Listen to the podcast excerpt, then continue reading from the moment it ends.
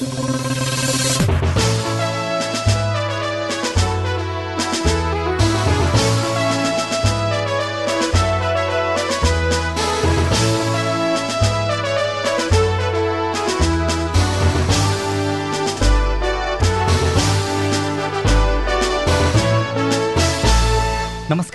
Hello सांसदमा तपाईँलाई हार्दिक स्वागत छ। म राजन रुचाल। आजको हेलो सांसदमा हामीसँग हुनुहुन्छ मुगुबाट निर्वाचित सांसद ऐन बहादुर शाही। यहाँलाई स्वागत छ सिआइएनमा धन्यवाद। मुगु कतिको गइरहनु भएको छ तपाईँ? म निर्वाचन सम्पन्न भइसकेपछि म दुई पटक पुगेँ जिल्लामा। झन्डै चार महिनाको अवधिमा दुई पटक। हजुर। त्यो भूगोलको कारणले गर्दा पनि होला सायद। यो निर्वाचन सकिएपछि अब यहाँ आइसकेपछि अब संसदीय प्रक्रियामै अब समय अगाडि बढ्यो। त्यसो जब संसद बिचमा केही समय रोकिएको थियो त्यो समयमा म आफ्नो जिल्लातिर गएँ। जिल्ला जाँदाखेरि चाहिँ मतदाताको अपेक्षा के छ? तपाईँलाई भोट हाल्दाखेरि जस्तो खालको अपेक्षा थियो त्यो फेरियो कि उस्तै छ कि अझ बढेको छ कि के पाउनु भएको छ तपाईँले? अपेक्षा त अहिले तत्कालै अब चेन्ज भएको छैन। अब अपेक्षा त धेरै छन् जिल्लाका गर्नुपर्ने कुराहरू। जनताहरूले धेरै अपेक्षा गर्नुभएको छ। अब त्यो कुराहरू पुरा गर्ने कोसिसमा लागिरहेको छु। संसद तपाईँको लागि नयाँ अनुभव पनि हो। मेरो नयाँ अनुभव हो। पहिलो पटक तपाईँ सांसद जितेर संसदमा आउनु भएको छ। हो। संसदमा चाहिँ एउटा सांसदको मूल्य कति हुँदो रहेछ भनेको एउटा सांसदले बोलेको कुराको सुनवाई हुन्छ कि हुँदैन? जनताको कुरा राख्दाखेरि सरकारले त्यतातिर ध्यान दिन्छ कि दिँदैन? तपाईँले अनुभव चाहिँ के गर्नुभयो? यो निश्चय पनि संसद भनेको जनताको आवाज मुखरित गर्ने थलो हो। जनताका आवाजहरूलाई त्यहाँ प्रस्तुत गर्छौँ। तपाईँले बोल्नुभयो संसदमा? मैले आजसम्म तिन पटक बोलेको छु। मैले जिल्लाकै समस्या राखेर र त्यो कुराहरूलाई सरकारले अब हामी बारम्बार अहिले पनि हामी त्यही कुरा गरेर घचघच्याइरहेका छौँ। हामीले सुन्ने समय विशेष समय हुन् भन्ने हुन्छ। थपिएको छ अँ, आकस्मिक समय भन्ने हुन्छ। यी समयमा हामीले जिल्लाका कुराहरू राखिराखेका हुन्छौँ। र सरकारले यसको जवाब दिनुपर्ने हुन्छ। यो भइरहेको छ यो हुँदैछ या यो प्रक्रियामा छ भनेर भन्नुपर्ने हुन्छ तर सरकारले। कतिपय सांसदले भनेअनुसार त सरकारले जवाफै दिँदैन सुन्दै सुन्दैन भन्ने पनि त छ नि। अहिलेसम्म दिएको छैन। हामी भनिराखेका छौँ। हामीले बोल्ने मात्रै समस्या राख्ने मात्रै तर सरकारले अब जवाफै नदिनु भने यो बोल्नुको अर्थ पनि छैन भनेर हामीले संसदमा यो आवाज उठाइराखेका छौँ। हुन त सांसदको काम भनेको नीति निर्माण गर्ने तपाईँहरूले चाहिँ विधेयकहरू बनाउने हो। कानुन बनाउने। तर भोट माग्दाखेरि त्यसो भनेर आउनु भएको छैन। विकास गर्छु भन्नुभएको छ बाटो खन्छु भन्नुभएको छ पुल बनाउँछु भन्नुभएको छ। त्यो भूमिकामा नि यहाँ आइसके पछाडि चाहिँ खरो उत्रिन कति सम्भव हुँदो रहेछ? विकास लान चाहिँ कतिको सकिँदो रहेछ? सङ्घीय सांसदको प्रमुख दायित्व भनेको विधेयक निर्माण गर्ने कानुन बनाउने र त्यसपछि ऐनहरूमा छलफल गर्ने विधेयकमा व्यापक रूपमा जनताको पक्षमा छ कि छैन? यो जनतामुखी छ कि छैन त्यो विधेयक त्यो कानुन बनाउँदा भोलि जनतालाई कति यसले फाइदा बेफाइदा गर्छ भन्ने कुरामा बढी सबभन्दा बढी हाम्रो भूमिका त्यता केन्द्रित हुनुपर्ने हो। तर अहिले हाम्रो यो देशको परिस्थिति के छ भन्दा हामीले दोहोरो भूमिका निर्वाह गर्नुपर्ने एकातिर विकाससँग पनि सम्बन्धित हुनुपर्ने।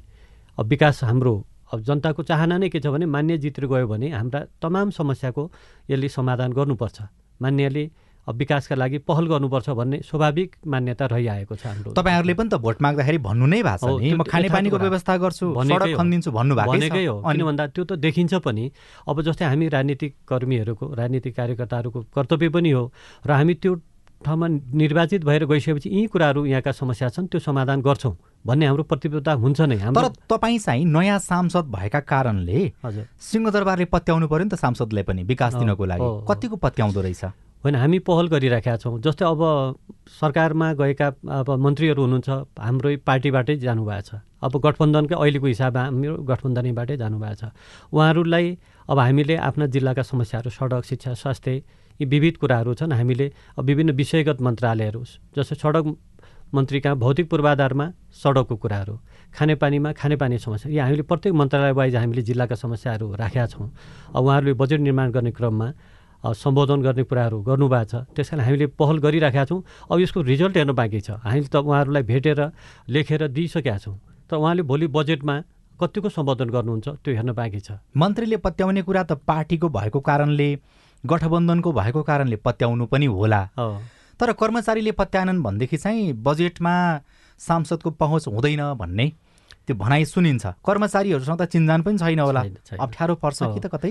हो यो समस्या छ। जस्तै यो देशमा विशेष गरी कर्मचारी तन्त्रले मन्त्रीहरू त नयाँ नै आउनुहुन्छ। उहाँहरूलाई धेरै जानकारी पनि हुँदैन। बुझ्दै समय लाग्छ। तर अब कर्मचारीहरू त पुरै स्थायी सरकार भएको हुनाले अब उहाँहरूले धेरै त्यसमा रोल प्ले गर्न सक्नुहुन्छ। तपाईँलाई पनि अप्ठ्यारो परेको छ? होइन अवश्य पनि। अब हामीले त मन्त्री कहाँ भनिरहेका हुन्छौँ अब डिजी साहबहरू सचिव अ, ज्यूहरू उहाँहरूलाई पनि हामी भेट्छौँ। तर उहाँहरूले अब कतिको रेस्पोन्स गर्नुहुन्छ? त्यो त्यो पनि अब हामी यो उहाँहरूको भोलि अब कति अब उहाँहरूले त भन्नुभएको छ हुन्छ हामी पहल गर्छौँ हामीले तपाईँहरू तर अहिले एउटा समस्या के आइसकेको छ भने देशको जुन एउटा आर्थिक मन्त्री जो आइराखेको छ यसले गर्दा गत सालको भन्दा अहिले विकास बजेट घटेर आयो प्रत्येक मन्त्रालयमा भन्ने प्रत्येक सचिवज्यूहरूको भनाइ छ। त्यसले गर्दा हामीले भनेअनुसारको अहिले तपाईँहरूले दिएको मागहरू सम्बोधन हुन सक्दैन कि? भन्ने किसिमको अलिअलि उहाँहरूले भन्नुभएको छ। तर हामीले यो हुनैपर्छ यो गर्नैपर्छ यो अत्यन्त आवश्यक छ भन्ने कुराहरू हामी राखेका छौँ। तर निश्चित पनि अब यसको रिजल्ट अब यसको बजेट भोलि रेड बुक आइसकेपछि थाहा हुन्छ। हुन त तपाईँले सुरुमै भन्नुभयो त्यति धेरै मुगु जान पाएको छैन दुई पटक मात्रै गएँ अहिलेसम्म चुनाव जितेपछि भनेर। तर संसदमा चाहिँ सांसदहरूको गणपूरक सङ्ख्या नपुगेर टाउको गन्दाखेरि चाहिँ सांसदहरू हाजिर गर्ने त्यस पछाडि टाप कस्ने। त्यो स्थिति पनि हामीले देख्यौँ। यो चाहिँ तपाईँलाई कस्तो लाग्यो?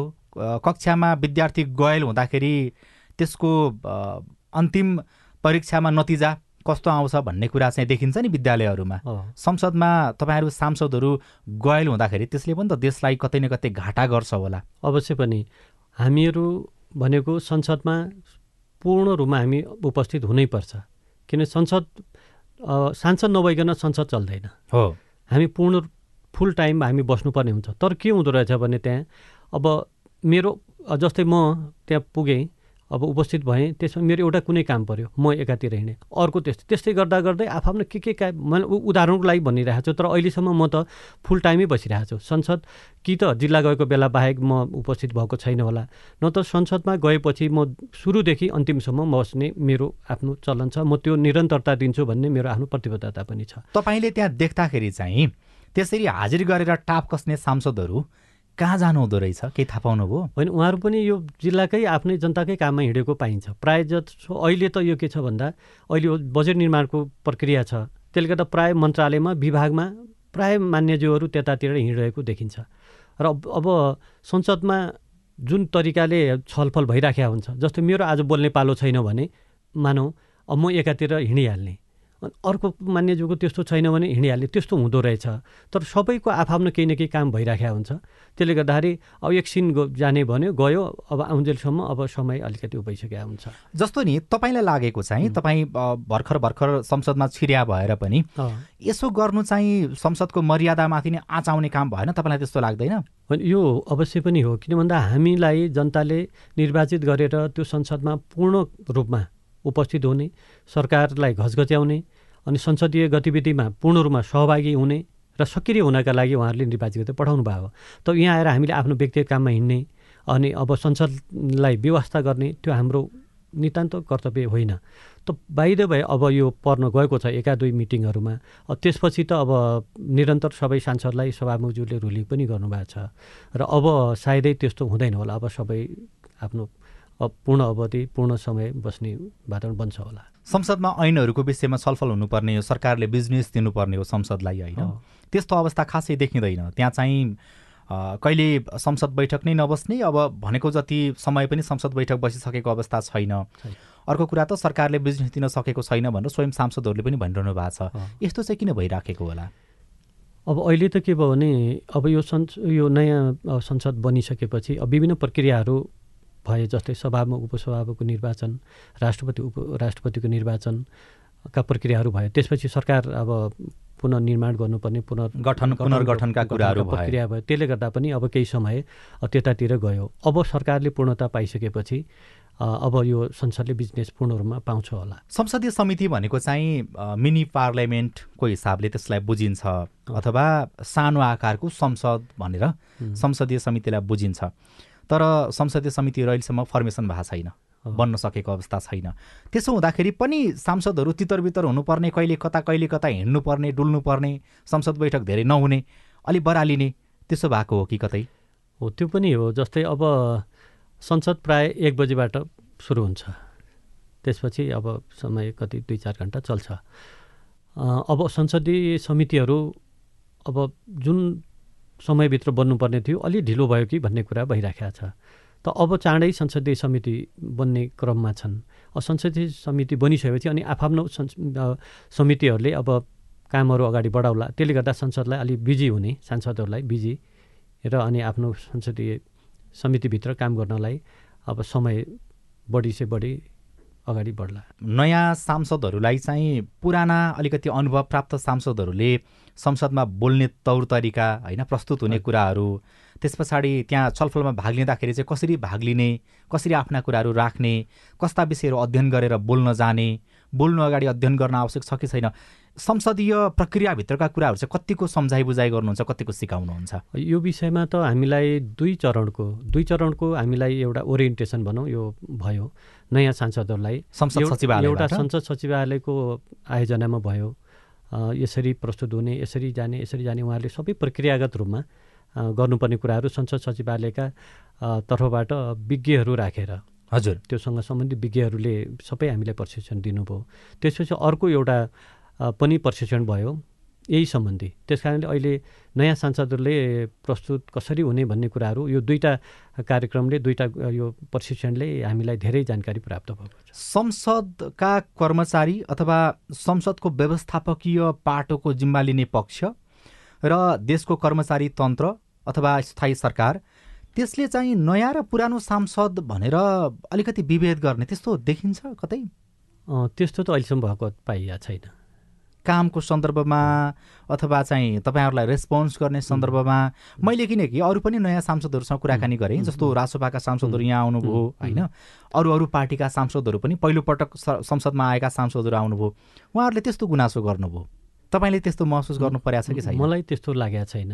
अब पुरानोलाई एउटा व्यवहार नयाँलाई अर्को व्यवहार त्यस्तो गरेको मैले त्यस्तो मलाई महसुस भएको छैन। कतिपय सांसदले त नयाँ भएकै कारण दलले बोल्नको लागि समय नछुट्याइदिएर तिन महिना भइसक्दा पनि संसदमा एकपटक बोल्न पाएको छैन भन्ने सांसदसँग पनि मैले कुराकानी गरेँ कि त्यस कारण पनि मैले सोध्दैछु। त्यो कुरा ठिक हो। यहाँ के हुँदो रहेछ भने यो समय समय विभाजन गरिदिँदो रहेछ। पार्टी पार्टीको बिचमा समय विभाजन जस्तै आजको संसदमा चार घन्टा चल्छ संसद भन्ने अब त्यहाँ कार्यव्यवस्था परामर्श समितिले त्यो समय निर्धारण गर्छ। त्यो समय चाहिँ अनि पार्टीगत रूपमा समय निर्धारण गरिँदो रहेछ। जस्तै काङ्ग्रेस त ठुलो पार्टी छ। काङ्ग्रेसले आधा घन्टा पायो भने अब धेरैजना सांसदले अब एकै दिन बोल्ने अवसर हुँदैन। त्यसै यसमा के रहेछ भने विशेष गरी साना दलहरूलाई यो समय पर्याप्त हुँदो रहेछ। अब उहाँहरूको सङ्ख्या थोरै छ समय पाएको पाए हुनुहुन्छ उहाँले।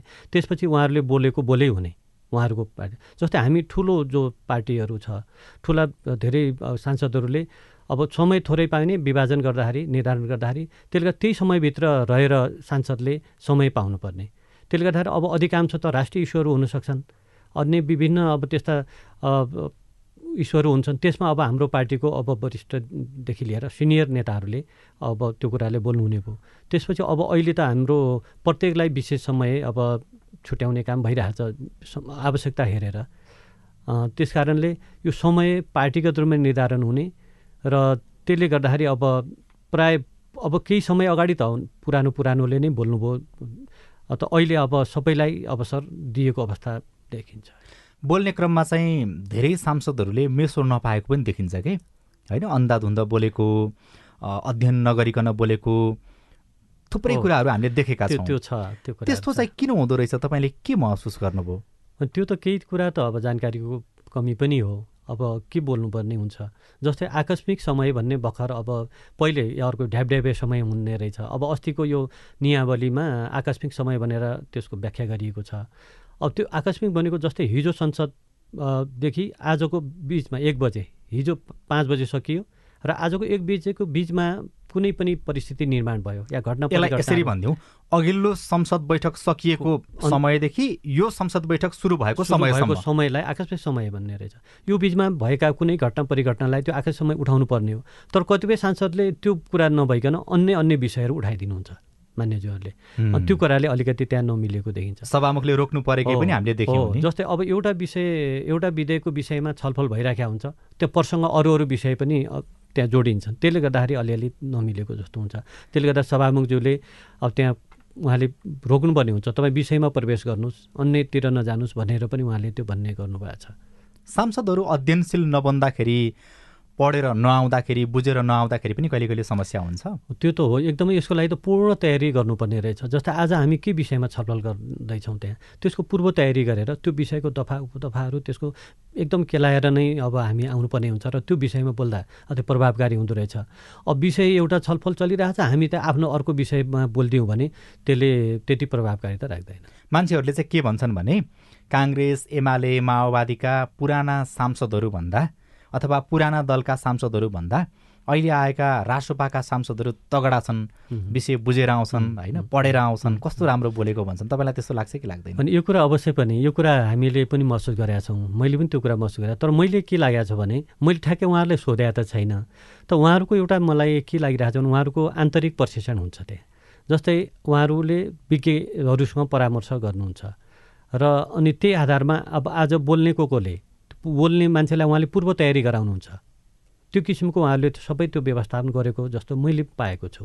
जस्तै हाम्रोमा पनि विभिन्न विधेयकहरू महत्त्वपूर्ण विधेयकहरूमा अब संसदीय दलमा छलफल हुन्छ। त्यहाँ पनि विज्ञहरू बोलाएर जस्तै अस्ति यो टिआरसीको बारेमा हाम्रो अब हाम्रो संसदीय दलले विज्ञहरू बोलाएर यसको बारेमा व्यापक रूपमा छलफल गरायो। त्यो कुरा हामीले धेरै जानकारी पाइयो। र बोल्न पनि सजिलो भयो। र यस्ता यस्ता हाम्रो उसमा पनि भइराखेको छ। तर अब अहिले यो स्वतन्त्र राष्ट्रिय स्वतन्त्र पार्टीको जस्तै आज कुन कुन सांसदले बोल्दै हुनुहुन्छ त्यसको पूर्व उहाँहरूलाई जानकारी गराउने र त्यो विषयमा उहाँहरूलाई अलिक विशेष रूपमा प्रशिक्षण दिएर संसदमा पठाउने त्यो गरेको पाइयो। सभामुखको भूमिकाको सन्दर्भको अलिकति कुरा गरौँ। फरक दलबाट सभामुख निर्वाचित भएका कारणले खास गरी सत्ता गठबन्धनभन्दा फाल्टो दल अहिलेको संसदको प्रमुख प्रतिपक्षी दलबाट चाहिँ सभामुख निर्वाचित भएको चयन भएको कारणले गर्दाखेरि उहाँको भूमिकालाई लिएर कतिपय सांसदले पनि प्रश्न उठाएको पाइयो। एकातिर अर्कोतिर चाहिँ सांसदहरूले उहाँको अधिकार कटौती गर्नको लागि सत्ता पक्षका सांसदहरूले काम गरेको छलफल गरेको पनि पाइयो। यसले चाहिँ संसदमा एक खालको द्वन्द्व जस्तो स्थिति देखिन्छ हामीले बाहिरबाट हेर्दाखेरि। भित्र चाहिँ तपाईँहरूले के पाउनु भएको छ? अहिलेको यो यो अवस्थासम्म आइपुग्दाखेरि सभामुखज्यूले कुनै त्यस्तो अनि ऊ गरेको जस्तो लाग्दैन। उहाँले एकदमै निष्पक्ष रूपमा नै अहिलेसम्म संसद चलाइराख्नु भएको छ चलिरहेको अवस्था छ। ठिक छ सभामुखले निष्पक्ष गर्नु भएको छ। तपाईँहरूले चाहिँ किन उहाँको अधिकार कटौती गर्नु खोज्नु भएको तर एउटा कुरो के भने अब यो अहिले नयाँ नियमावली बनाउने क्रममा अब केही मान्यज्यूहरूले सभामुखको अधिकार धेरै भयो। उहाँको स्वाभाविकै अधिकारहरू धेरै भए। त्यस कारणले उहाँलाई पनि सीमित उसमा गर्नुपर्छ र यो कुरालाई अलिकति व्यवस्थित गर्नुपर्छ भन्ने कुराहरू उठाउनु भयो। तर अलि अस्ति अब अब संशोधनकर्ता मान्यज्यूहरू र अब त्यहाँ सभामुखज्यूको र सम्पूर्ण दलका अब प्रमुख सचिवज्यूहरूको बिचमा एउटा समझदारी बनेर अब यो नियम पारित भइसक्यो भइसक्यो। भइसकेको अवस्था छ। तर के भन्दा योभन्दा अगाडिको नियमावलीमा अलि बढी नै सभामुखज्यूलाई धेरै कुराहरू अब ऊ गरेको भन्ने कुराहरू पाइयो। र त्यो उठ्यो पनि त अहिले समझदारीमा सबै कुराहरू समाधान जे होस् तपाईँहरूले खास गरी सत्ता पक्षका सांसदहरूले सभामुखको अधिकार कटौती गर्नलाई खोज्नु चाहिँ भा हो। किनकि त्यो नियमावलीमा त्यो हिसाबले छलफल पनि भएको थियो। अब अलिकति मुगुको विकासको कुरा गरौँ। तपाईँ जनतालाई सपना बाँड्दै बाँड्दै चुनाव जितेर मुगुबाट काठमाडौँ आउनु भएको छ। हजुर। जनताका ठुल्ठुला सपनाहरू छन्। त्यो भनेको मुगु आफैमा प्राकृतिक हिसाबले त्यहाँको स्रोत साधनको हिसाबले भरिपूर्ण छ। उसलाई कुनै पनि कुराको खाँचो छैन। तर त्यसको सदुपयोग गर्नुपर्ने स्थिति छ आवश्यकता छ र अर्कोतर्फ विकासको लहराहरू पुर्याउनु पर्नेछ तपाईँले। सडक पुर्याउनु पर्नेछ राम्रो। पुल पुलेसाहरू बनाउनु पर्नेछ विद्युत पुर्याउनु पर्नेछ। के के कामहरू गर्नुहुन्छ त नि यो पाँच वर्षको अवधिमा? यो पाँच वर्षको अवधिमा मैले मुख्य गरिकन मुगु जिल्लालाई विकास र समृद्धिको एउटा यात्रामा अगाडि बढाउने मेरो लक्ष्य छ। त्यो भनेको चाहिँ? यो भनेको मुख्य गरिकन विकासको सबभन्दा पहिलो प्राथमिकता भनेको सडक। सडक गाउँ गाउँमा पुग्न सक्यो भने त्यसले एकदमै विकासको एउटा नयाँ अनुभूति गराउँदो रहेछ। मुगुमा कतिवटा स्थानीय तह छन्? हाम्रो चारवटा स्थानीय तह एउटा नगरपालिका तिनवटा गाउँपालिका छन्। त्यो सबै ठाउँको सबै स्थानीय तहको सदरमुकाममा र त्यहाँका चाहिँ ओडाहरूको चाहिँ केन्द्रमा सडक पुर्याउन सक्ने सम्भावना कति देख्नुहुन्छ पाँच वर्षभित्र? अब यसो छ अब सदरमुकामको प्राय ओडाहरूमा सडक पुगिसकेका छ। त्यहाँ समस्या भयो त्यहाँ समस्या छैन कच्ची रूपमा भए पनि पुगेको छ। सोरु गाउँपालिकाको केन्द्रसम्म पनि सडक पुगेको छ। खतेड गाउँपालिकाको केन्द्रसम्म पनि सडक पुगेको छ। तर त्यो सदरमुकामसँग जोडिएको छैन अर्को बाटोबाट गइराखेको छ।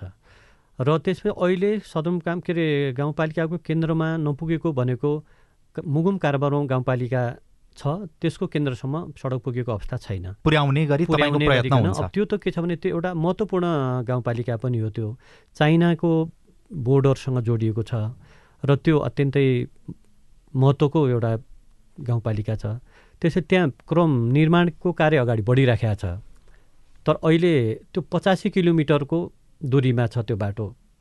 त अहिले जम्मै सत्र अठार किलोमिटर खन्ने काम भइरहेछ बाटो निर्माण भइरहेछ। त्यसैले हाम्रो पहिलो प्राथमिकता भनेको मुगुम गा कार्मरौँ गाउँपालिकाको केन्द्र पुलुमा। पुलुमा जति सक्यो वर्ष यो आगामी वर्ष यो अहिलेको जुन आउने बजेट छ यसलाई त्यहाँसम्म पुर्याउनका लागि बजेट व्यवस्थाका लागि अहिले पहिलो हाम्रो प्राथमिकतामा परेको छ जेठ पन्ध्र गते आउने बजेटमा मुगुम कर्मारोङ गाउँपालिकाको केन्द्रसम्म सडक पुर्याउने गरी बजेट पर्छ। बजेट पार्नका लागि अर्थमन्त्री भौतिक पूर्वाधार मन्त्री र उहाँहरूसँग व्यापक रूपमा हामीले प्रयास गरेका छौँ। उहाँलाई कुरा राख्नु भएको छ के हुन्छ। हुँदैन भन्ने कुरा हेरौँ। अब हेर्नु बाँकी छ। र अर्को कुरा के छ भने अब कर्णाली राजमार्ग। कर्णाली राजमार्गको नागम गमगढी खण्ड हाम्रो कच्ची मात्रै छ त्यो। धुलाम्मी सडक छ। अब कहिले बर्खा आयो भने पुरा हिलोले डुबाउँछ। हिउँ आयो भने हिउँले पुर्छ। त्यसले गर्दा त्यो अत्यन्तै अप्ठ्यारो अवस्था छ। त्यसले गर्दा नागमा गम्बडी सडकलाई यो आगामी वर्षको बजेटमा कालोपत्री गर्नका लागि कम्तीमा एक अरब बजेट त्यो खण्डलाई छुट्याउनुपर्छ भन्ने हाम्रो त्यहाँ प्रयास भइरहेछ त्यो माग पनि गरिरहेका छौँ मन्त्रीज्यूहरूसँग एकदमै कडा रूपमा हामी प्रस्तुत भइरहेका छौँ। अहिलेको प्राथमिकता भनेको नागमा गमगढी कालोपत्री गर्ने गमगढी नाक्चे लाग्ना जो कि पुलु भन्ने जो हाम्रो कार्म गाउँपालिका केन्द्र पनि पर्छ त्यहाँ जोड्नका लागि हामीले पर्याप्त बजेटको माग गरिरहेका छौँ जस्तै अब गमगढी नाक्चे लाग्ने सडकको लागि पचास करोड र नागम गमगढी पिच कालोपत्र गर्नका लागि एक अरब रुपियाँ हामीले प्रस्तावित माग गरेका छौँ। मन्त्रीहरूसँग एकदमै हाम्रो उ गरिराखेका छौँ। तपाईँ गाउँमा हुँदा मुगुमा हुँदाखेरि चुनाव जितेर काठमाडौँ नआउँदाखेरि अब आउँदाखेरि नै पनि थुप्रै पटक त्यो बाटो हिँड्नुभयो होला होइन? मुगु पुग्ने बाटो सडक हजुर। प्रयोग गर्नुभयो होला तपाईँले पनि। त्यो बाटो हिँड्दाखेरि चाहिँ यो के भएको हाम्रो ठाउँका नेताहरू अथवा केन्द्रमा पुग्नेहरू किन यो बनाउँदैनन् किन बजेट ल्याउँदैनन् किन काम गर्दैनन् भन्ने तपाईँको मनमा पनि पक्कै लाग्यो होला। अनि मलाई पनि लाग्यो अरूले भन्ने त्यही हो यहाँको माननीय कस्तो होला यहाँको अर्को जनप्रतिनिधि के होला भन्ने किसिमका व्यापक गुनासा हुन्छ। अझ हामी यहाँ बाहिरबाट जाने मान्छे पहिलोपटक मुगु टेक्यौँ भनेदेखि त हामीले त यहाँको को हुनुहुन्छ सांसद? किन काम। गर्नुहुन्न? भन्छौँ भन्ने? नै त्यही हो तपाईँहरू लगायत सबै बाहिरबाट जानेले। अब पहिलो त सोध्ने नै यहाँको जनप्रतिनिधिको होला। यहाँको माननीयको यहाँको अर्को गाउँपालिका कुन हो कस्तो हो भन्ने कुरा नै सोध्ने हो। त्यसपछि अर्को मैले यो कुरा जोड्दै थिएँ त्यो सडकै बारेमा। त्यसपछि नागमा गमगढी गमगढी नाचे लाग्न अनि गमगढी सोरुकोट त्यो पनि कच्ची बाटो छ। त्यसको स्तर उन्नति गर्नका लागि पनि हामीले बजेटको पहल गरिरहेका छौँ। त्यसपछि गमगढी खत्याड गाउँपालिकाको केन्द्र जोड्ने जो त्यो रारा राष्ट्रिय निकुञ्ज छ जो हाम्रो रारा ताल एकदम प्रसिद्ध हाम्रो सुन्दर ताल छ त्यो बाटो भएर जानुपर्ने तर सरकारको त्यो निकुञ्जको नियमले त्यहाँबाट बाटो लिन नमिल्ने अवस्था छ। त्यस कारणले गमगढीबाट खत्याड जोड्नलाई हाम्रो कुन वेबाट अगाडि बढाउन सकिन्छ त्यसको पनि हामी अब अहिले छलफल गरिरहेका छौँ।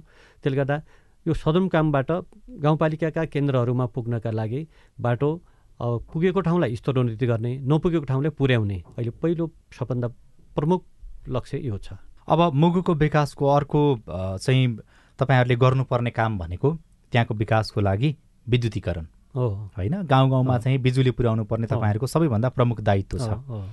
यो चाहिँ कहिलेसम्म भइसक्छ? सबै जनताले कहिलेसम्म बिजुली बाल्न पाउनुहुन्छ? हो यो महत्त्वपूर्ण कुरा छ यो। अहिले पनि पाँच हजार घरहरू अहिले पनि बिजुलीको यो सेवाबाट वञ्चित छन्। र यसका लागि अब हामीले विद्युत प्राधिकरणसँग हामीले सम्पर्क गरेर समन्वय गरेर अहिले कर्णालीका कालीकोट जुम्ला र मुगु हुँदै हुम्ला यी जिल्लाहरूमा छिटोभन्दा छिटो राष्ट्रिय प्रसारण लाइन पुर्याउनु पर्यो भनेर अहिलेको कार्यकारी निर्देशक कुलमान घिसिज्यूको छ हामीले बारम्बार उहाँसँग सम्पर्क गरिरहेका छौँ भेटघाट उहाँले के। भन्नुभएको छ? उहाँले उहाँ आफै पनि विभिन्न जिल्लाको स्थलगत अध्ययन र भिजिट गर्नुभएको छ। उहाँले म निकट भविष्यमा छिटोभन्दा छिटो एकदमै तीव्रताका साथ यो गति अगाडि बढाउँछु र छिटोभन्दा छिटो प्रसारण लाइन पुर्याउने म प्रतिबद्ध छु भन्नुभएको छ। उहाँले त्यसो भन्नुभयो तपाईँलाई चाहिँ आफ्नो कार्यकालभरि यो काम होला जस्तो लागेको छ कि छैन? अनि अवश्य पनि हुन्छ। मलाई त कार्यकालभन्दा पनि म त अबको अब निकट दुई वर्षभित्र अबको दुई वर्षभित्र राष्ट्रिय प्रसारण लाइन प्रत्येक गाउँ गाउँमा पुग्छ भन्ने मलाई लागिरहेको छ। किनभने त्यो अनुसारको उहाँले एउटा कार्ययोजना बनाउनु भएको छ र त्यसैलाई हामी पनि निरन्तर उहाँलाई घचघच्याइराखेका छौँ। यसका साथसाथै अब जिल्लामा भएका विभिन्न खोला नालाहरूबाट पनि अब निकाल्नु परिराखेको छ बत्ती निकाल्ने पनि हो। अब केही अब अस्ति जस्तै एउटा ठुलो बाढी आयो। त्यो बाढीले कतिपय अब यो संरचनाहरू भत्काइदिएको छ। त्यसको पुनर्निर्माण गरेर त्यहाँबाट पनि बत्ती बाल्नु छ। कतिपय लघु जलविद्युतहरू छन्। त्यसको पनि क्षमता वृद्धि गरेर मर्मत सुमार गरेर ती पनि बाल्नुपर्ने छ। र तर पनि यी त अब बेला बेला बिग्रिने भत्किने भइरहन्छन्। तर प्रमुख बनेको राष्ट्रिय प्रसारण लाइनलाई हामीले जोड गरेर छिटोभन्दा छिटो पुर्याउने र त्यहाँ भएका विभिन्न अब लघु जलविद्युतहरूलाई उनीहरूको मर्मत सुमार गरेर निर्माण गर्ने र त्यसलाईबाटै सेवा दिने काम अगाडि बढाउँदैछौँ। तपाईँले राम्रोसँग काम गर्न भ्याइसक्नु भएको छैन किनकि चुनाव सुरुवातीमै छौँ अहिले। चार वर्ष चार महिना चार महिना मात्रै हुँदैछ। चुनाव भएको चार महिनामै सबै कुरा गर्ने भन्ने कुरा पनि भएन। त्यसकारण लामो कुराकानी भन्दा पनि पाँच वर्ष पछाडि तपाईँसँग फेरि यसरी नै स्टुडियोमा बसेर कुराकानी गर्ने अवसर मिल्यो भने अथवा तपाईँको गाउँ बस्तीमा डुल्दै ल यस्तो भयो भन्ने अवस्था भयो भनेदेखि चाहिँ तपाईँको निर्वाचन क्षेत्र मुगु जिल्ला देशका अरू एक सय चौसठीवटा निर्वाचन क्षेत्रभन्दा फरक ल हेर्नुहोस्। यो कारणले मैले यति काम गरेँ यस्तो यस्तो फरक भयो। यो यो स्थिति थियो चार वर्ष अगाडि पाँच वर्ष अगाडि। अहिले यस्तो अवस्था मैले पुऱ्याएँ भन्ने। त्यो के के हुन्छ ल भनिदिनुहोस्। म निश्चय पनि अब पहिलो सडकको विस्तार हुन्छ। सडक सञ्जाल प्रत्येक गाउँ गाउँमा बस्ती बस्तीमा पुगाउने मेरो यो काम हुन्छ। दोस्रो विद्युतीकरण प्रत्येक गाउँ गाउँमा राष्ट्रिय प्रसारण लाइनको विद्युतीकरण पुगेको अवस्था हुन्छ। तेस्रो शिक्षामा व्यापक सुधार हुन्छ। त्यो भनेको के? शिक्षामा विद्यार्थी अनुसारको दरबन्दीको व्यवस्था। अनि संरचना भौतिक संरचनाहरू प्रत्येक विद्यालय एकदमै पर्याप्त विद्यार्थीहरूलाई बस्नलाई प्रत्येक उसमा हुने। त्यसपछि मैले एउटा अर्को लक्ष्य राखेको छु शिक्षाको क्षेत्रमा। प्रत्येक गाउँपालिकामा एक एक एउटा आवासीय विद्यालयहरू आवश्यक देखिन्छ र म त्यसको लागि पहल गरिराखेको अवस्था छ र यसलाई म आगामी वर्षमा पनि आगामी वर्षभित्रै यसलाई व्यवस्था गर्नका लागि म पहल गर्दैछु। किनभने अब त्यहाँ कति गरिबहरू छन् कति अब अब टुराहरू छन् यी विभिन्न खाले विद्यार्थीहरूको क्षमता वृद्धि गर्नका लागि त्यहाँ आवासीय विद्यालय भएर सम्भव देखिँदैन। त्यसमा नमुनाको लागि आवासीय विद्यालय प्रत्येक गाउँपालिकामा स्थापना गरेर एउटा गुणस्तरीय शिक्षाको एउटा विकास गर्नुपर्ने अवस्था छ। र स्वास्थ्यमा पनि अहिले मुख्य हाम्रो जिल्लामा पन्ध्र सय अस्पताल जिल्ला सदरमुकाममा छ। त्यो पन्ध्र सयकै अवस्थामा चलिरहेछ। त्यसलाई त्यसको स्तर वृद्धि गरेर पचास सयको पुर्याउने यो निकट भविष्यमै त्यसको लागि सम्बन्धी निकायमा पहल भइराखेको छ। र अब प्रत्येक गाउँपालिकामा पन्ध्र सय अस्पतालको निर्माणाधीन अवस्थामा छन्। त्यो निर्माण प्रक्रिया छिटो टुङ्ग्याएर त्यहाँ दक्ष जनशक्तिको व्यवस्था गरेर प्रत्येक गाउँपालिकामा स्वास्थ्यको सुविधा पर्याप्त पुर्याउने र जहाँ छन् स्वास्थ्य केन्द्र इकाइ स्वास्थ्यहरू त्यसको पनि क्षमता वृद्धि गर्ने र औषधि पर्याप्त ती केन्द्रहरूमा पुर्याएर जनताले स्वास्थ्यको कारणले अकालमा आफ्नो ज्यान गुमाउनु पर्ने अवस्था नहुनका लागि म त्यो पहल गर्नेछु। त्यसपछि हाम्रो जिल्लाको धेरै ठाउँमा यो टेलिफोनको सुविधा यो मोबाइलको सुविधा अझै पुगिरहेको छैन। अब कतिपय ठाउँमा त मान्छे रुख चढेर रुखको माथि उसमा टुप्पोमा पुगेर फोन गर्नु अवस्था छ। कतिपयले घरको एउटा किला जोड्याएर किलामा मोबाइल टाँसेर पनि फोन गर्ने अवस्था आइरहेको छ। त्यस कारणले टेलिकोसम्म कुरा भइरहेछ अब त्यहाँ टावरहरू छिटोभन्दा छिटो निर्माण गरेर प्रत्येक बस्ती बस्तीमा मोबाइल सेवा सञ्चालन गर्ने इन्टरनेटको पहुँच पुर्याउने फोर जी सेवालाई सरल ढङ्गले सबैको बस्तीमा पुर्याउने त्यो किसिमको पहल पनि अगाडि बढिराखेको अवस्था।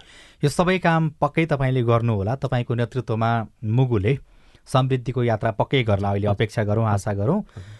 तर सधैँभरि चामल पनि नपाउने चाडबाडको बेलामा नुन पनि नपाउने त्यो अवस्थाबाट चाहिँ मुगुका जनताले मुक्ति पाउन्। त्यसका लागि चाहिँ तपाईँले पहल गर्नुहोला अवश्य। हाम्रो शुभकामना छ। धन्यवाद धेरै धेरै। त्यो मेरो पहल रहन्छ। म निरन्तर यही कुरामा लागिरहेको छु मेरो अरू कुनै लक्ष्य छैन। विकास र समृद्धि मुगु जिल्लालाई कसरी पुर्याउन सकिन्छ त्यसको लागि म निरन्तर प्रयास गरिरहेको छु गर्छु नै। हस् समय सम्वादको लागि यहाँलाई धेरै धेरै धन्यवाद छ। धन्यवाद। मलाई यहाँ बोलाएर आफ्नो जिल्लाको बारेमा केही कुरा राख्ने अवसर दिनुभयो यसको लागि धेरै धेरै धन्यवाद। यो सँगै हेलो सांसदको समय सकिएको छ। प्राविधिक साथी सुनिल राज भारतसँगै म राजन रुचाल पनि बिदा हुन्छु। हवस् त नमस्ते।